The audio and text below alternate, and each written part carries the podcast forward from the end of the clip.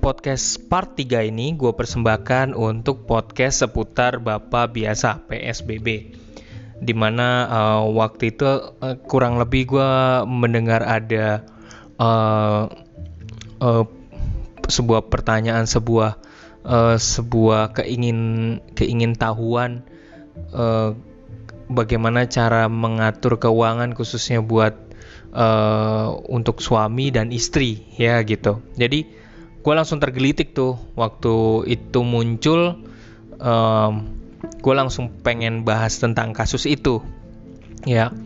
Oke begini. Uh, uh, gue langsung tercerahkan siap uh, dengan sebuah pertanyaan siapa sih yang pantas untuk ngatur keuangan kalau misalnya kita udah berkeluarga suami atau istri. So, biasanya para suami karena mungkin masyarakat kita ini kebanyakan juga patriarkal. Jadi suami yang bekerja, istri yang di rumah, kemudian dia yang memasak, dia yang memaintain. Biasanya suami menyerahkan berpikir di dalam otaknya, berpikir bahwa oke okay, gue serahkan duit gue kepada istri supaya dia yang mengelola. Tetapi faktanya untuk percaya atau enggak, mungkin juga ada penelitiannya bahwa masyarakat di Indonesia uh, ketika seorang pria menyerahkan uh, uangnya kepada istri, ternyata faktanya masyarakat di Indonesia khususnya para istri lebih banyak yang meng, uh, mengalami uh, justru literasi finansialnya rendah gitu. Jadi banyak kaum perempuannya justru mengalami rendahnya literasi finansial. Jadi bisa dibayangin dong kalau akhirnya duit itu diserahkan kepada istri dan istri juga bingung cara ngaturnya gimana, maintainnya gimana nih duit-duitnya gini, ya, gitu.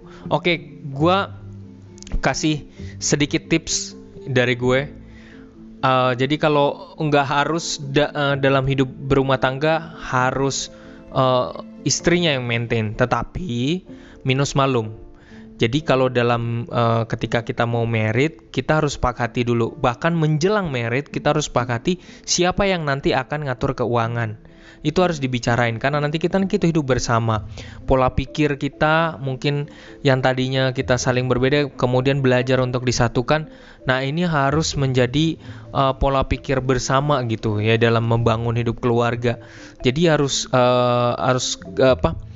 Uh, sinkronin dulu nih siapa yang bakal nanti maintain di dalam kadang-kadang kan setelah menikah belum tentu ada rasa keterbukaan ya. Jadi kalau misalnya kayak adik gue yang pertama nah dia adik gue yang pertama tuh cowok. Jadi setelah menikah tuh dia yang ngatur keuangan karena dia bisa tertib ya. Dia dia tegas dalam keuangan dia tertib bagaimana harus itu dan dia mengayomi istrinya. Nah itu itu salah satu uh, kasus. Ada juga kasus keluarga di mana uh, ketika dalam perjalanan dua punya dua anak ternyata uh, sang istri nggak terbuka tentang duitnya yang mungkin gajinya lebih gede daripada suaminya, tapi akhirnya banyak terbelit hutang. Nah ini harus transparan, ngobrol, ya. Jadi harus ternyata yang akhirnya setelah ngobrol, akhirnya istri uh, suaminya yang maintain. Nah ini harus dilihat, ini harus terbuka harus duduk bareng ya nggak harus duduk bareng juga kayak gitu ya.